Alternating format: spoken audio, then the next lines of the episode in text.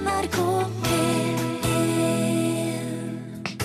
Lyden av rytmeboks er lyden av utakt, med godt humør på tampen av påsken ved Per Øystein Kvindesland og Bjørn Olav Skjæveland. Og kan vi i dag få et program uten hattevitsstart? Nei. Nei, du rister på hodet. Ja, nei, du kan ikke det. Fordi at eh, hattevitsen har engasjert så mange på så vidt forskjellige planeter og på så vidt forskjellig nivå. Og nå viser det seg jo faktisk, etter det jeg har grunn til å tro, at det er tverrpolitisk enighet om at hattevitsene er viktige for folket og for utaktprogrammet. Hvordan begrunner du det? Fordi eh, du skal få nå høre lyden som lå på telefonsvareren min. Dette er Olaug Bollestad, stortingsrepresentant for KrF.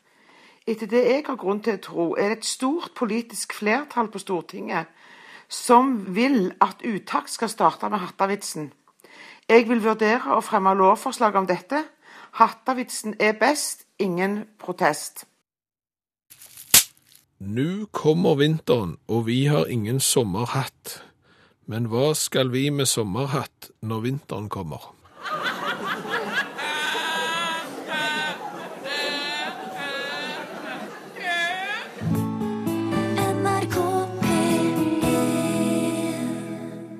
Forrige mandag så var det ikke noe utakt. Da var det et eh, påskeprogram som gikk i NRK P1 på, på denne tida. Og i den forbindelse så har vi fått en del henvendelser fra folk som har lurt på om vi rett og slett tok en alvorlig tidlig sommerferie. Ja, om vi tok en Skavlan, rett og slett. Svaret er nei. Nei, vi har ikke gjort det. Og, og for å forklare begrepet å ta en Skavlan, eh, så er jo det, det er å ta en alvorlig lang sommerferie og vel så det. For Skavlan har gitt seg for sesongen nå. Ja, altså første i 2014 så hadde Skavlan det første programmet den 10. januar 2014, og det siste nå før sommeren, som jo også var før påske, det var den 28. mars 2014. Ja, Men da har det gått i ett. Da har det gått i ett i 11, 11 uker. det har du det. Og det er travelt òg. Ja, du skal snakke med folk i en times tid. Du Det er ikke gjort i en håndvending, det ser du. Eh, Men, men det som jeg har sett litt på, det er jo eh, hvor bærer dette av sted. I forhold til hvor mange uker Skavlan har ferie. Ja, fordi at det, i 2014 og fram til sommerferien, så var det 11 uker med Skavlan. Ja, Eh, I, I fjor, i 2013. ja, eh, så på, på vinter, vår, eller hva det kalles, så var det 12. OK. Så nå er det ei uke mindre. Det er ett program mindre nå. Hvordan er det da på høsten? Ja, det er det jeg òg lurer på. For det at i fjor så var det 11 uker på høsten. Frykter du at vi er nede i ti i år? Ja, jeg, gjør, jeg frykter ikke. Jeg bare gjør regning med at denne utviklingen fortsetter. Det vil si at i 2013 så var det 23 program. Det var altså 23 uker med Skavlan. I i 2014, etter det jeg har grunn til å tro, så vil det være 21. Hvor mange uker har du igjen da til ferie? Ganske mange. Det er 52 uker i et år, og du kan jo tenke deg at i 2014 da, hvis du jobber 21 uker, så har du jo fri en del, for eksempel 31. Og hvis det blir sånn at det blir to mindre utakt, nei, nei utakt, ja, to mindre Skavlan-uker for hvert år nå, så er det jo ikke mange år før det ikke er. Nei, det minker. Så, så det er rett og slett sånn at når Skavlan blir pensjonist, så har han ikke programmet igjen. Da kan, da kan, da kan han ta fri. Når han blir pensjonist, så trenger han ikke jobbe lenger. NRK P1 Du hører utakt i NRK P1. Og Kent, svenske Kent, skal spille under Skånevik Bluesfestival til sommeren, og det er jo litt spesielt. Ja, den 3. til 5. juli så eh, skal Kent være på scenen på Skånevik Bluesfestival, og det vi hørte nå var jo typisk harde, mørke blues. Ironi fungerer ofte dårlig på radio, Skjæveland. Ja, men Kent er vel ikke blues? Nei, men nå er det vel sånn at det er ganske mange artister som opptrer på spesielle festivaler, selv om de ikke nødvendigvis hører hjemme i den sjangeren. Eh, For eksempel Dance to the Stranger, som også skal spille på Skånevik Bluesfestival. Og De, vel... de spiller det som kreves, de. de Nei, men det er ikke blues det heller. Er det det? Monica Heldal. det er ikke blues. Det er ikke blues, det er viser. Det er tålige, flotte popmusikk. Det er ikke blues. Skambankt. Skal Skambankt på bluesfestivalen? De skal på Skånevik Bluesfestival, og de spiller vel rock'n'roll. Full fart. Og det er blues. Er det ikke det? Eller er det ikke? Ikke helt. Nei, men altså I fjor var Def Leppard, tror jeg, på bluesfestivalen. Ja, og de spiller iallfall ikke blues. På som Sugar On Me. Men, én ting er altså den der grensa mellom rock og blues. Altså Det ene har vel på en måte blitt til det andre, eller motsatt. Så, så den er jo vel kanskje litt hårfine, men, men det er jo sånn at det, Det vannes ut. Det gjør nok det. Jeg ser på, på nettsidene til Moldejazz, Mm. som skal arrangeres nå i år. Eh, Jazzorkesteret Ylvis skal opptre der. Det er typisk jazz. Det, det, det blir ikke mer typisk jazz enn det. Nei. Ylvis det er en mann med paraply, og så er det en med klarinett. Og så- så, går de i tog, de to. Og så har du jazzguruen Sivert Høyem skal, Ja. på, skal på Moldejazz. Han er typisk jazzmusiker. Det er Thomas Dybdahl. Han er iallfall typisk jazzmusiker. Så der har du det. Det vannes ut. Men egentlig så liker vi jo denne utviklingen, gjør vi ikke det? At det åpnes opp litt. Jo, vi, liker den utviklinga fordi at fordelen med det er jo at du kan risikere å få høre favorittartisten din på en festival du normalt sett ikke ville gå på fordi at han ikke spiller den musikken du liker. Nettopp.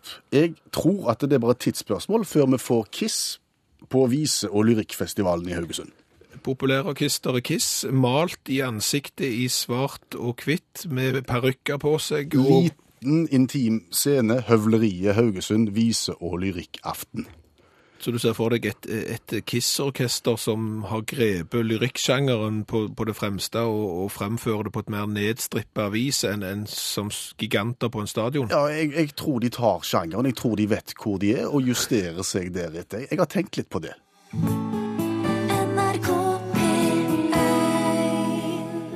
Det var Love Gun i originaltapning. Hva, hva var det du kalte Love Gun når du skulle ha den på vise- og lyrikkfestivalen i Haugesund? Kjærleiksvapnet. Kjærleiksvåpenet. Jeg syns det var vart og fint. Det på nynorsk og, og vent. Det hadde jo kanskje vært noe som gitt ut Kiss på nynorsk. Altså, det er jo en del artister som har blitt oversatt og framført på norsk. eh, Cohen på norsk, Dylan på norsk. Dylan på norsk, Også, Sting, det var Sting på nynorsk. Sting på nynorsk, ja. Og, og det er klart at det- Sting på nynorsk er jo én ting, men, men Kiss, kysset på nynorsk, eksempel, med, med kjærleiksvåpenet som du hadde, galne, galne kvelder, Det har du. crazy, crazy nights, Ja. Har du flere? jeg vil vugge og rulle natta lang. Ikke så god. I wanna rock and roll all night. Ja, Mm. Nei, jeg vet ikke, men, men der er, og det er klart, der kunne du fått eh, favorittvokalisten din inn på, på Kiss på nynorsk. Hvem skulle det vært? Ivar Aasom. Men nok om Kiss og nok om vise- og lyrikkfestival. Vi skal inn i skoleverket. Hvordan er det med førsteklassingen Vebjørn? Han har vel hatt påskeferie nå? Han har hatt påskeferie, og han har vært eh, på langrennsski og vist et voldsomt konkurranseinstinkt, fordi at eh, når han datt, så heiv han staver og ski og var kjempesure fordi at han ikke fikk det til. Å. Men så kom det et søskenbarn på besøk, og det er klart at da skulle du plutselig gå like fort og like langt som søskenbarnet, som er ubetydelig mye eldre. Og dermed så slapp vi å vase på han. Dette har han ikke til faren på noen måte. På ingen måte i det hele tatt. Sånn at det gikk veldig bra. Men eh, Vebjørn er da en førsteklassing, seks år. Vi har fulgt han siden han begynte på skolen i august for å rett og slett sjekke hvordan står det til med det norske skoleverket. Erfaringen så langt, det står alle tiders til. Det går strålende. Hver eneste uke helt siden i august har vi fått rapport fra Vebjørn og det han har lært i løpet av uker som ligger bak, og det er imponerende. Hvordan er det nå i, i ferien? Har det vært Nei, helt det har vært, det har vært lite. Han har lest litt grann av leksikon på senga, men ikke noe mer enn det. Men eh, jeg spurte hva de hadde forberedt seg på før de eh, gikk i gang med påskeferie. Nå har jo jeg hatt påskeferie i ukes tid. Før det så lærte vi om påsken. Ja, selvfølgelig. eh, Om hvorfor en feirer påske, den siste nattverden, fornektelsen og korsfestelsen. Nei, ikke det. Det kunne vi fra før. Nå var det de litt rarere tingene ved påsken. Hva tenker du på da? For eksempel tidfesting av påsken. Den er litt rar. At påskedag skulle være første søndag etter første fullmåne etter 21. mars, er jo ikke direkte innlysende. Ja, Det er jeg jo for så vidt helt enig i. Hvorfor er det sånn, da? Man må nok skylde på de i Nikea. Det er jo ikke Ikea sin skyld at påskene er vanskelige. Vel er det mara med flatpakka spisestuebord, men første fullmåne etter søndag etter advent er ikke Ikea sin feil. Nikea. Med N. Det er en by, eller det var en by. Nå kalles den byen Vysnik. Der ble det avholdt et økumenisk konsil i år 325. Ja, Nå har vel ikke økumenisk mat eh, slått an i det hele tatt. Slutt å tulle. Økumenisk handler mer om tverrkirkelighet. I Nikea var biskoper fra hele den kristne kirke samla.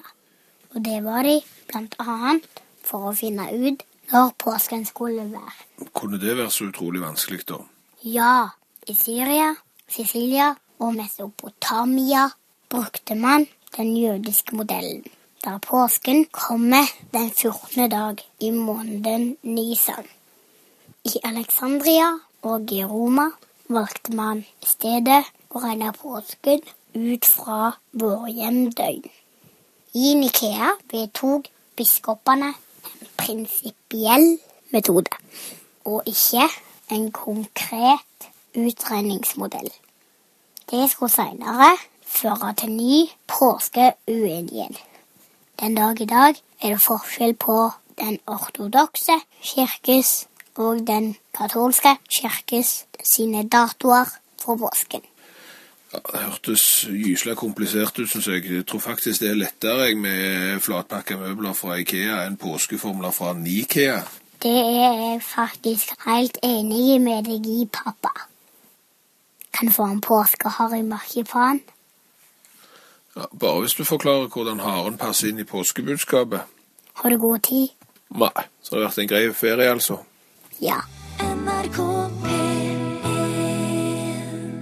Siste dag i påsken, andre påskedag. I morgen er det slutt på ferien, og mange har brukt dagen i dag til å komme seg hjem fra ferie, tenker jeg. Ja, det var nok kanskje mange som brukte den i går òg, men la oss nå si det at noen er litt seint ute, og nå er klokka ett minutt over halv elleve, og du er på vei hjem langs E6-en eller E39 eller noen andre fylkes- og europaveier der som fins. Og i baksetet der sitter det noen små og klager fordi de er kvalme, de er bilsjuke. Ja, og det er sikkert fordi at de ikke har den dingsen under bilen. Da har de ikke dings, da skulle de hatt dingsen under bilen, tenker vi. Og nå må vi hjelpe. Ja, nå må vi hjelpe. Fordi at eh, når vi vokste opp, og nå kan vi jo stå fram, vi er begge født i det herrens år 1970. Eh, og det er klart at hvis du da eksempel kjørte Alfa Sud, En, Alfa Sud, hva er en alfasut? jeg tror det var, altså det var en liten Alfa på, på en størrelse med en Golf, og utrolig mykt baksete, sånn at du satt omtrent nedi der en plass, og, og kunne lett bli bilsyke. Hvis du satt i en alfasut og ikke hadde den dingsen unna, så ble du iallfall bilsyk. Ja. Skal vi fortelle hva dingsen er nå? Jeg aner ikke hva dingsen er. Nei, men husker du han? Ja, Ja, og vi snakker altså om eh, På 70-80-tallet så hang der på enkelte biler ei slags tunge ned midt under bilen, og som slepte i asfalten, og som visstnok skulle bidra til at eh, passasjerene om bord ikke ble bilsjuke. ja. Hvordan virkte den, skjevelen? Ingen anelse. Har du tenkt på det? Eh, Litt, for det virker helt meningsløst, eh, syns jeg. Altså, Du hadde fire dekk, de skulle jo da være i kontakt med bakken, og gummi leder jo lite strøm, eksempel. Eh, Så skulle du midt under bilen montere da en eller annen sånn en et kontaktpunkt til jord, eh, en blanding sikkert av noe gummi og metallgreier som, som du drev og så slepte der, som en liten skvettlapp eh, midt under bilen. Eh, Og det skulle jo da, som du sier, gjøre at du ikke ble kvalmen. Og hvorfor det? Det skjønner jeg ikke, fordi at i mitt hode så blir du kvalmen når det er bevegelser som ikke samsvarer med det du ser. Ja, og så er det noe innimellom øyra, da, og noe, noe krystaller og noe vann som ikke er helt Ja, noen stigbøyler og noe ambolt og noe greier inni der. Og så er det jo sånn eksempel at eh, hvis du hele veien tror at du svinger til venstre, så svinger du til høyre, så blir du bilsyke hvis du løser kryssord eksempel. Og, og på danskebåten sammen med blankt brennevin eksempel, så blir du òg eh, bilsyke på båt. Eh, litt, litt sånn som det eksempel hvis du danser og, og tar piruett, så blir du bilsyke. Bare spør meg, for jeg har danset meg sjøl bilsyke. Eh, Så, så jeg tror det er det når det visuelle ikke henger sammen med det du føler på kroppen. Nettopp, og da lurer vi på hva i all verden den tunga som slepte i asfalten skulle være god for. Ja. Kan, kan det ha noe med sånne eh, Hvis du har gnagsår, legg stein i skoen, for da tenker du på den steinen, og da glemmer du gnagsåret. Kan denne her ha lagd en lyd som gjorde at du fokuserte på noe annet? Jeg tror ikke han lagde lyd, altså. Jeg, jeg tror ikke det. Nei. Eh, Altså, da ville jeg ville jeg heller gjort sånn som vi gjorde når vi hadde sykkel. Da tok vi melkekartong på spilene, så lagde det lyd på sykkelen. Nå kunne du heller gjort det på felgen, for jeg tror ikke han lagde lyd i det hele tatt. Men det kan godt hende at han hadde litt sånn placeboeffekt, eh, som du sier at det, Og nå har vi montert noe under bilen som gjør at du ikke blir bilsyk. Å ja, så kjekt, da blir jeg ikke bilsyk. Eh, Men hvis det er noen nå som, som har hatt foreldre som har hatt denne, enten har hatt den sjøl og, og kan fortelle hva var ideen, hvorfor skulle den virke, Og virker den? ja, ikke minst, så vil vi gjerne ha kontakt med dere. Da sender dere en SMS til 1987 som dere starter med utakt. Eller så bruker du Facebook-siden vår, søk opp utakt med skråblikk i fokus, og så holder vi kontakten der. Ja, og der skal jeg skrive Har du hatt den dingsen under bilen som gjør at du ikke skulle bli bilsyk? Det skal jeg skrive på Facebook nå, så kan folk eh, gå inn og, og, og svare der. NRK P1 Og så snakker vi om den dingsen som hang under biler tidligere. Den tunga som lå og slepte midt under bilen, og som ifølge noen skulle forhindre kvalme blant passasjerene. Mange har opplevelser med denne. Ja, eh, Tone eh, forteller at eh, de hadde en sånn tunge under bilen, og den skulle da lede vekk antistatisk spenning, og sånn sett forhindre kvalme. OK? Meg bekjent så, så vet ikke jeg hvor mange som ble kvalme av eh, statisk elektrisitet, men, men, men det er mulig. Og det er flere som har den her eh, greia å fortelle at det, det er for å jorde bilen, altså, men, men det er også for at du ikke skulle få støt når du steg ut av bilen og tar i dørhåndtaket. Eh, virka svært dårlig på min 1977-modell Audi 80, sier Magne. Han fikk eh, støt, samme rakkeren. Så han virket gjerne ikke mot det, og gjerne ikke mot eh, kvalme heller. Nei, Jan Ove han er helt tydelig i sin sak. Han sier at dingsen skulle avlede statisk elektrisitet, men han sier ingenting om det hadde noe med kvalme å gjøre eller ikke. Og den koblingen ser vel ikke vi helt heller. Nei, men, men eh, det er jo andre råd òg. Altså, hvis ikke det virker, så er det andre ting som heller ikke virker. Nei, altså, Øystein forteller jo at eh, faren hans en gang kjørte over en katt, og katten ble hengende på samme måte som denne tunga under bilen, helt fra Søfteland til Bergen. Det hjalp heller ikke mot kvalme.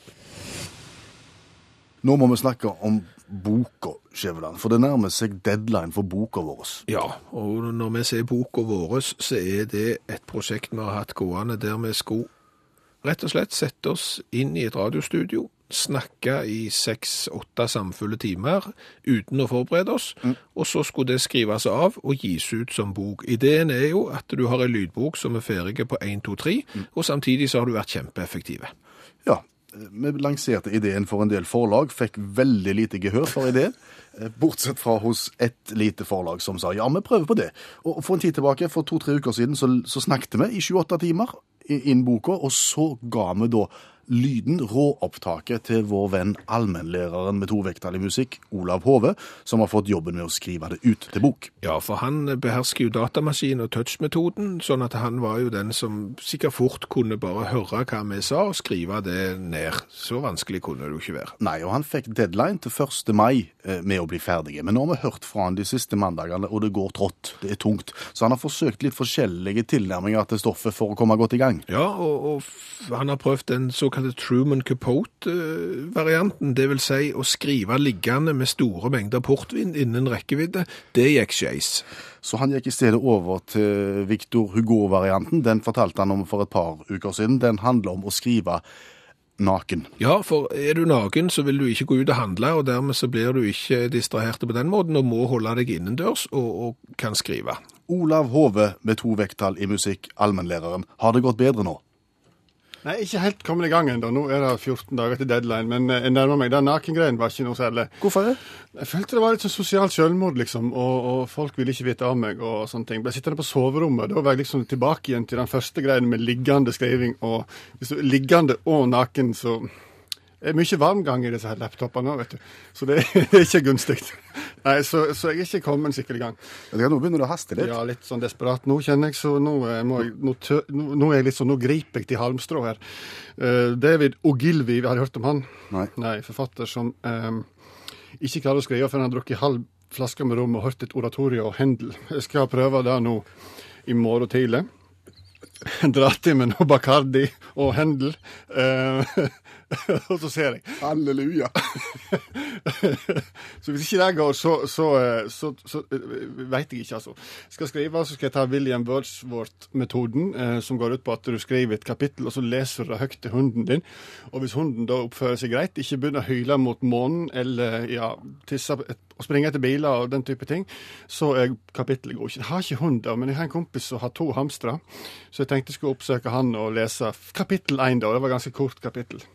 Så hvis hamsteren oppfører seg fint, ikke går bananas i hjulet, så skal jeg på en måte ja, satse på det. Så de ser her, jeg er litt ute å kjøre, altså. Ja, ok, så, så nå skal du først drikke brennevin, så skal du høre på et oratorium i Hendel, så skal du skrive, og så skal du gå til hamstrene til, til naboen. Yes. Og hvis de oppfører seg fint, så har jeg faktisk funnet nøkkelen. Ja, vi får håpe at det er resepten, for som sagt, det er to uker igjen til manuset skal være inne. Å, helsike.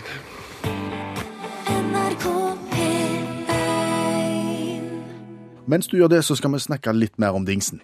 Ja, dingsen, vi har snakket litt om den her eh, siste halve timen, det er den greia som på 70-80-tallet hang eh, under biler, eh, og visstnok skulle gjøre noe med statisk elektrisitet, og forhindre at folk ble kvalmende ombord i bilen. Vi har ledd litt av det, men så får vi da meldingen fra Aslak, eksempel, som skriver følgende. Vi har kjørt med denne dingsen under vår Chrysler Voyager siden 2001. Og guttene, tre i stykket, har aldri vært bilsjuke. Jeg visste ikke hva dette var, før jeg fem år etterpå spurte han jeg kjøpte bilen av hva det var. Så eh, har vårt eh, fritak av sjuke unger sikkert ingenting med at ungene er født inn i dårlige Vest-Telemark-veier, og en far som liker en litt offensiv eh, kjørestil herda fra fødsel av. Nei, vi takker dingsen, sier Aslak. Ja, der ser du. Og får støtte av Åse. Åse òg? Ja, jamensan. Da jeg var 13 år, dro foreldrene mine og jeg på bilferie fra Hamar-området til Hammerfest. Det er et godt stykke. Jeg ble bilsjuk før Otta, det er ikke så langt. Så der stoppte vi, og så kjøpte vi sånn dings til å ha under bilen. Og etter det så har jeg ikke vært bilsjuk. Nei, men da hadde du kanskje troa på at det hjalp. Og du tror på placeboen? Nei, nei, men jeg trodde på placeboen, men så skriver Ragnhild her på Facebook altså at de òg hadde den der dingsen under bilen, og det hjalp. Fordi at det, Ragnhild har alltid vært veldig bilsyke, men så ble den montert, den dingsen under bilen, som sleper ned i bakken, og da ble det bedre. Og Ragnhild fikk ikke vite om at foreldrene hadde montert den der slepedingsen under bilen før etterpå. Så dermed så ble det bedre, og hun, så lenge du ikke vet om det, så er det for så vidt ingen placeboeffekt. Det kan jo hende at du har vært såpass mye ute og kjørt da, at du blir bedre etter hvert. Det er jo sånn, når du har vært på sildafiske en gang, så blir du ikke så syk andre gangen, og tredje gangen så syns du det er kjekt. Mm, Det kan være noe sånn. Men hva vet vi? Hva vet vi? Det kommer jo en del andre forslag òg inn her eh, som kan benyttes for å unngå bilsjuke. Hvis du ikke vil kjøpe dings, eller ha tilgang på dings, så, så kan du jo gjøre sånn som eksempel eh, Bjørg skriver, Bjørg fra Hamar. Fikk beskjed om å holde en rå, skrelt potet i hånda for å unngå bilsjuke. Tro gjør sterk, utropstegn, står det her. Ja, men det er jo, altså, det har jo jeg hørt, altså, altså skrelte grønnsaker i, i hendene er jo først og fremst noe av det beste. Det er helt der oppe sammen med bilsyketabletter. Det er der du begynner. NRK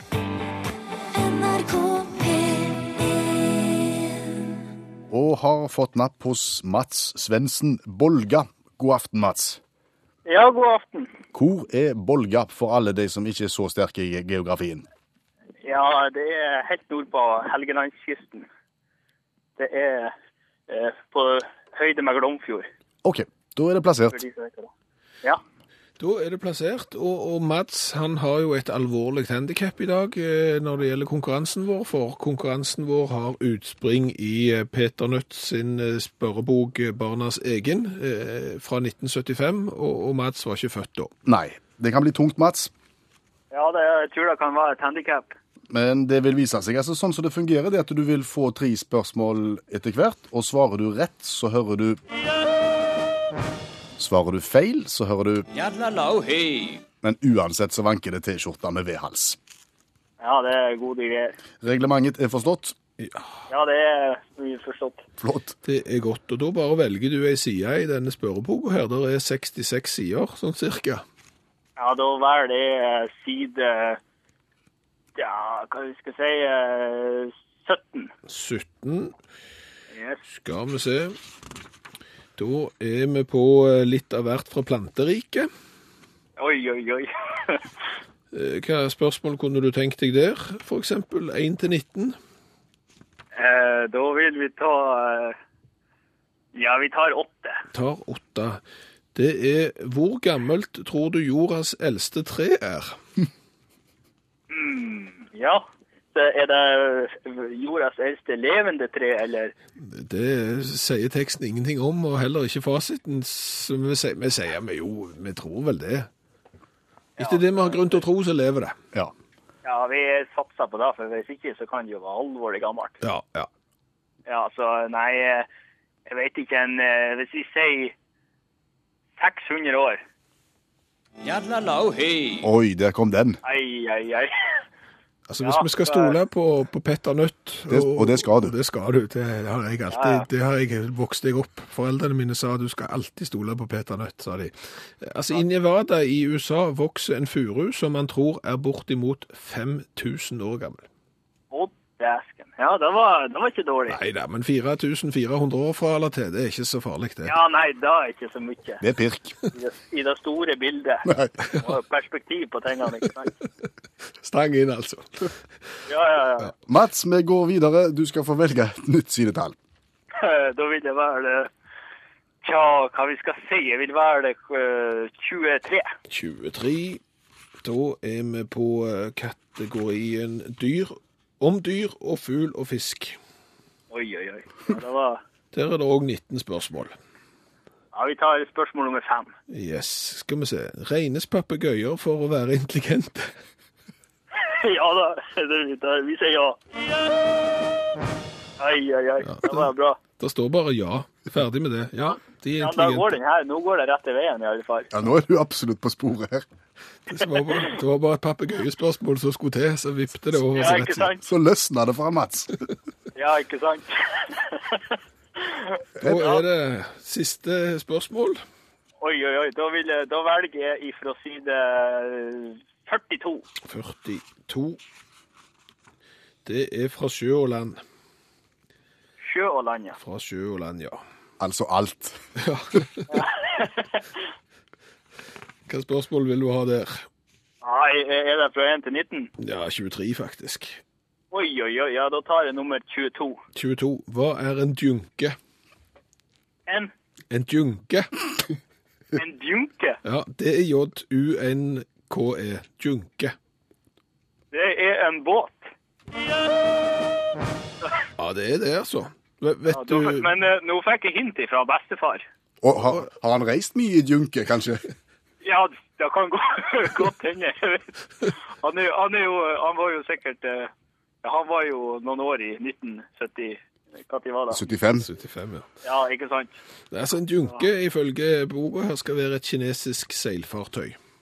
Ja, OK. Det er er ikke sikkert han har så mye seilerfaring med junke, da, men eh, Nei, men da har vi lært, eh, vi har lært mye i dag, da. Da har vi jo lært Ja, at papegøyer er intelligente. Vi har lært at eh, de har greie på junker på, på, på, på Volga, og at uh, det finnes 5000 år gamle tre i Nevada.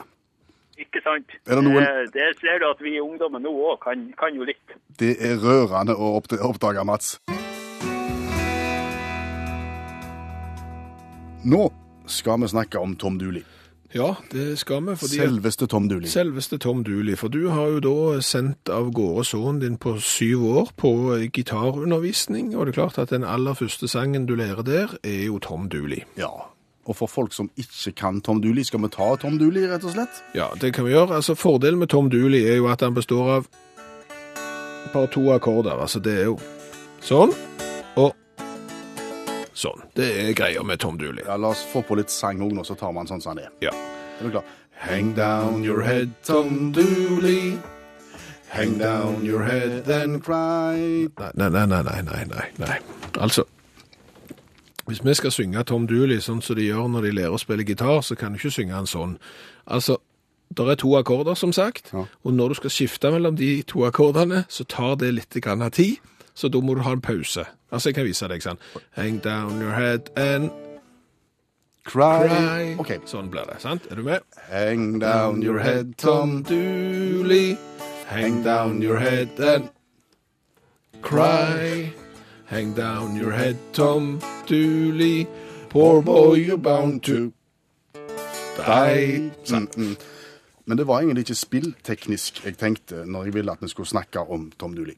Nei, eh, for det vi tenkte vi skulle gå litt igjennom, er jo at eh, som seksåring, syvåring og ditt første møte med gitarspill på kulturskolen og Tom Dooley, så møter du jo en viss lyrikk som gjerne ikke helt eh, passer for eh, seks-syvåringer. Nei, altså, jeg satt jo da og hørte syvåringen min sitte, sitte smilende i stua med sin lille gitar og, og synge uh, Hang Down Your Head, Tom Dooley, videre. Poor Boy, You're Bound to Die. Og så fortsetter han.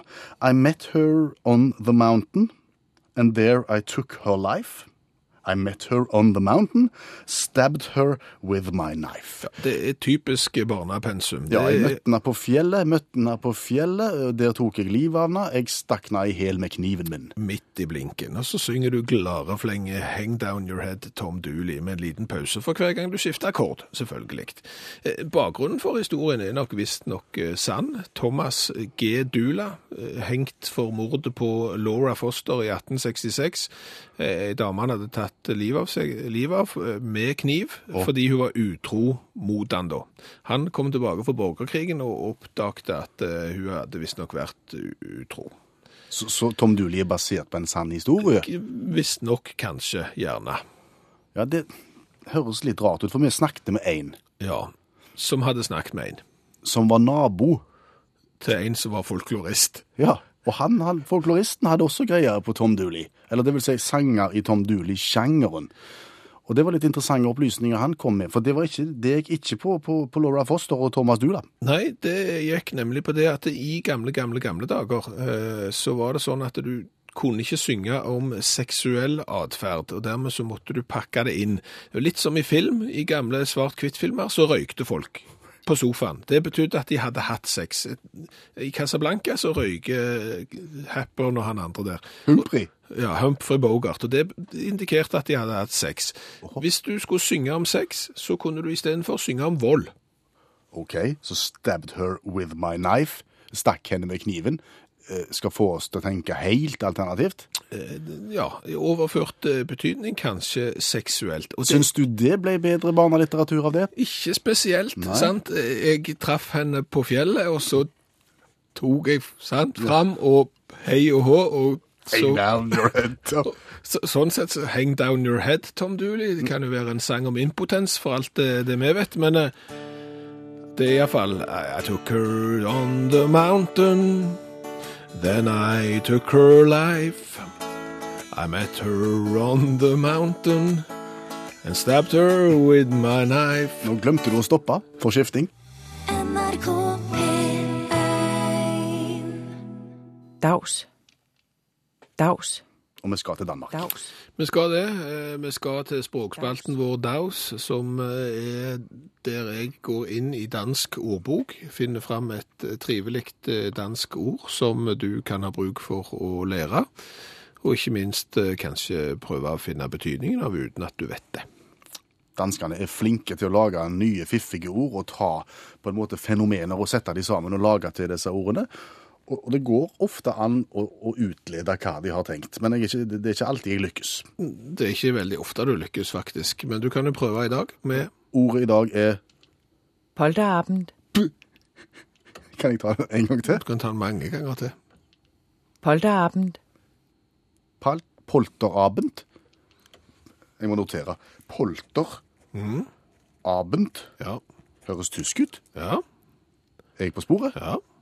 Altså, du er på sporet når du sier det er opprinnelse fra tysk. Altså, det er jo ikke bare vi nordmenn som har en hang til å importere ord fra lavtysk. Det har òg danskene, og det har de gjort eh, med dette ordet.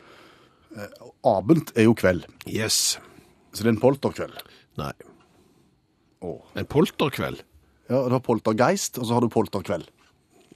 Så en kveld der du samles for å se poltergeist. Det er en Ja, polterabend. det er, Og så hvis du hiver inn en J, så får du en pjolterkveld. ja, der er du nok kanskje mer på sporet, men det er, altså, der er du nok bare heldige i og med at du hiver inn den eh, J-en og får en pjolterkveld, eh, fordi at eh, det er egentlig ikke det polteren her er, men, men du kan jo, det hjelper deg litt.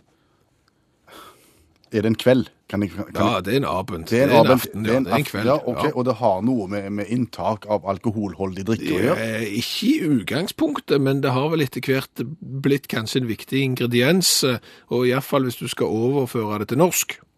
Pass. Så tamt da, Det skal jeg fortsette. Ja, nei, men altså, det, altså po po polter er, det, det her er, Nå støtter jeg meg til den der ordboka, det er visstnok larme. Altså å bråke. Okay. Så det er en bråkeaften. En larmeaften. Eh, hjelper ikke så mye, men hvis jeg sier at det er en fest som holdes for en brud eller en brudgom, eh, gjerne rett før Utdrikningslag. Yes.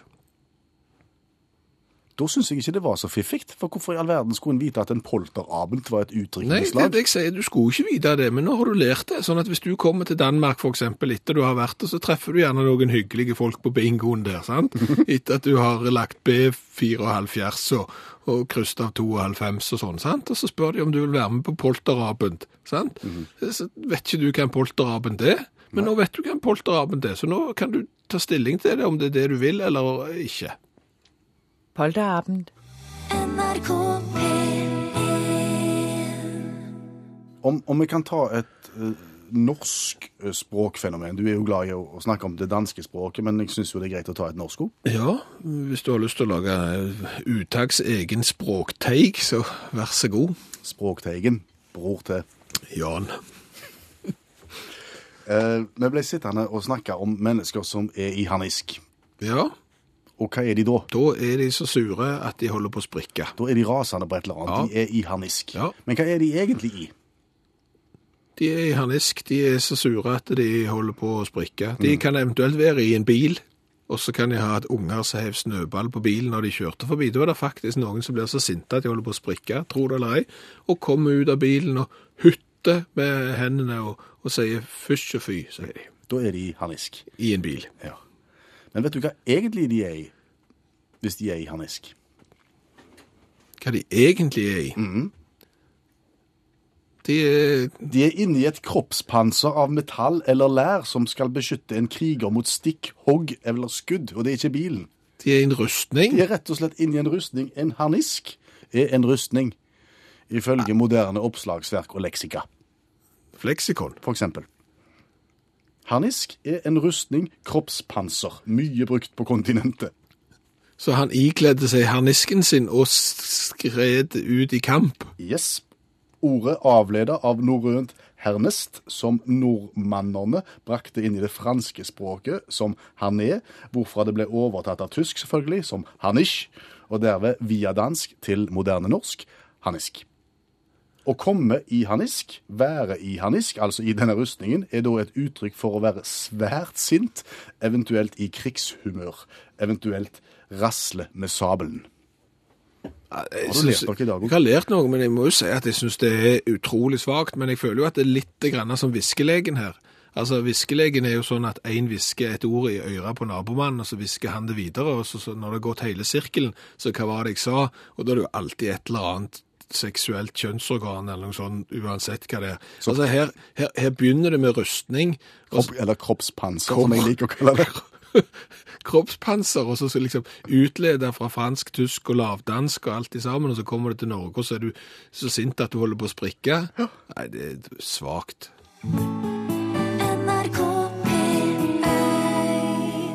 Så har vi snakket en del om bilsjuke og båtsjuke i dag. Ja, og et av midlene kanskje for å forhindre bilsyke har jo vært en sånn en dings under bilen som skaper kontakt med bakken på et eller annet fiffig vis, og dermed gjør at du ikke blir eh, bilsyke. Den vanligste resepten er vel kanskje sjøsyketabletter. Ja. Som mor knuste og la unna brunosten på grovskiva, eventuelt knuste og la inni syltetøyet. Ja, og jeg kan godt stå fram eh, som en av de som ikke blir spesielt bilsyke, men jeg blir eh, sjøsyke, og jeg, mulig det er innbilning òg, at jeg vet at jeg kommer til å bli det, og dermed så blir jeg det. Eh, Men jeg blir nå iallfall det. Og en gang så var du på seiltur over Jærens rev, har jeg hørt, og det er jo et, et friskt stykke hav. Det er et kjekt lite stykke hav i da noe sånn 34 fots eh, pram. Eh, Det var du, og det var doktor Søyland, og det var sønnen til doktor Søyland, var det ikke det? Jo, det var det. Vi turte av gårde, og så seilte vi over Jærens rev, og så da passerer du Egersund, på venstre sida, kan du si, og da skal du rundt Lindesnes etterpå. Og da tenkte jeg at det kan jo være lurt å kanskje ta noen forhåndsregler nå når vi først skal ha en liten pause i Egersund, etter erfaringene over Jærens rev. Eh, Kanskje vi skal inn og handle noen sjøsyketabletter. Syns doktor Søyla nå det var en god idé? Ja, det er jo ikke greit å ha en som, eh, som ligger nede under dekk og syns synd på seg sjøl. Jeg burde jo heller være med og feste noen barduner, eller hva det heter for noe på seilbåt. Så da gikk jeg inn på apoteket, og så sier jeg jeg skulle gjerne hatt noen sånne sjøsyketabletter. Og så sa damen bak disken Hun sa, vet du hva, nå er det kommet noe nytt.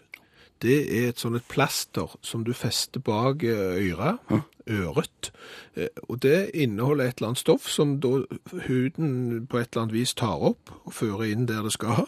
Sant? Og så, så er det bare der, og så virker det. Sånn at det slipper ut litt og litt og litt og litt sånn hele veien. Så Smart. Kjempesmart. Ja, men da skal jeg ikke ha sjøsyketabletter, sier jeg. Da vil jeg ha et sånn et plaster. Ja, det kan du ikke få. Å, For det må du ha resept for å få. jeg hadde ikke du med deg doktor Søyland, Jo, selvfølgelig. Så det var jo bare å gå ut av apoteket der og så hale inn sin egen personlige doktor, sant? og så si at vet dere hva, det der plasteret der, det skal vi ha. Ja, og det skriver doktor Søyland under på at det kan han få. Ja, riktig det. Da sier damen, det har vi ikke. Og det er fiffig. Du driver, du vil fremheve det produktet som du ikke har. Det er litt sånn, har du lyst på kaffe? Ja takk. Det var kjempedumt, for det har vi ikke mer igjen av. NRK Har du fått lest noe i påsken, Skjæveland? Jeg har det. Eh, Og nå kommer sikkert litteraturfolket til å le av meg, eh, men jeg har lest eh, min første bok av Jussi Adler Olsen, dansken som eh, skriver krim. Ja. Og for å si sånn, den boka jeg leser, den er jo allerede blitt film, så du kan jo si jeg er litt bakpå. Jeg har fått et nytt tips nå om at det er en nordmann som er ganske god, Ja. som er på vei opp og fram, og kan bli noe. Er Jo Nesbø. Ja, han skal du prøve. Han, så han skal jeg prøve neste gang. Nei, men jeg har, han har gjort det, da. Ja. Og det var greit. Flott. Men, men allmennlæreren som gjester programmet her stadig vekk, han mener jo at vi må slutte å lese det som alle andre leser. Vi må tenke litt ut forbi boksen. Det er så mye godt der ute som vi ikke vet om. Og kommer da med tips. Og i kveld, Olav Hove, Ja, Boy George Fashion and Makeup Book. Altså Boy George sin eh, mote- og sminkebok. Ja, og- Håndbok. og for de som ikke kjenner Boy George Skjæveland, Han var jo eh, frontfigur i Cultural Club, eh, en litt androgyn fyr på, på 80-tallet, må vel trygt kunne sies. Siden det er kjent for vel å ha holdt en nordmann fanga i kjelleren, og, etter hvert har sluppet han fri. det var nå enda godt. Hadde både en sminke og, og, og motestil som der det skulle må smørje på. Dette har eh, den utmerka forfatteren Wayne Winder eh, skrevet om. Kompis av Freddy Fender, antageligvis. Um, og, og her har vi jo mye å lære. sant? Vi er jo voldsomt subtile i vårt eh, valg av sminke, f.eks. Og eh, vi går jo stort sett i jordfarger hvis vi ser oss nå. Her kan vi få en del tips om hvordan du kan se ut som et juletre året rundt. For det finnes det jo det er jo alt, det er noe for alle sesonger, sant? Um, og, og, og her får du en komplett håndbok. Men er er det en populær bok? Altså, har, er det gode skussmål om Boy George, hvordan å se ut som Boy George? De som har lest de, de har, det er litt ambivalent her, ser jeg. For de som har lest henne, de har gitt den terningkast fem. eh, og du kan få kjøpt henne for én dollar. Uh, det er taler vel kanskje litt imot. så en billig bok med uhyre god kritikk. Altså, jeg tenker eh, løp og kjøp, eller klikk og kjøp, blir det vel i dette tilfellet. NRK P1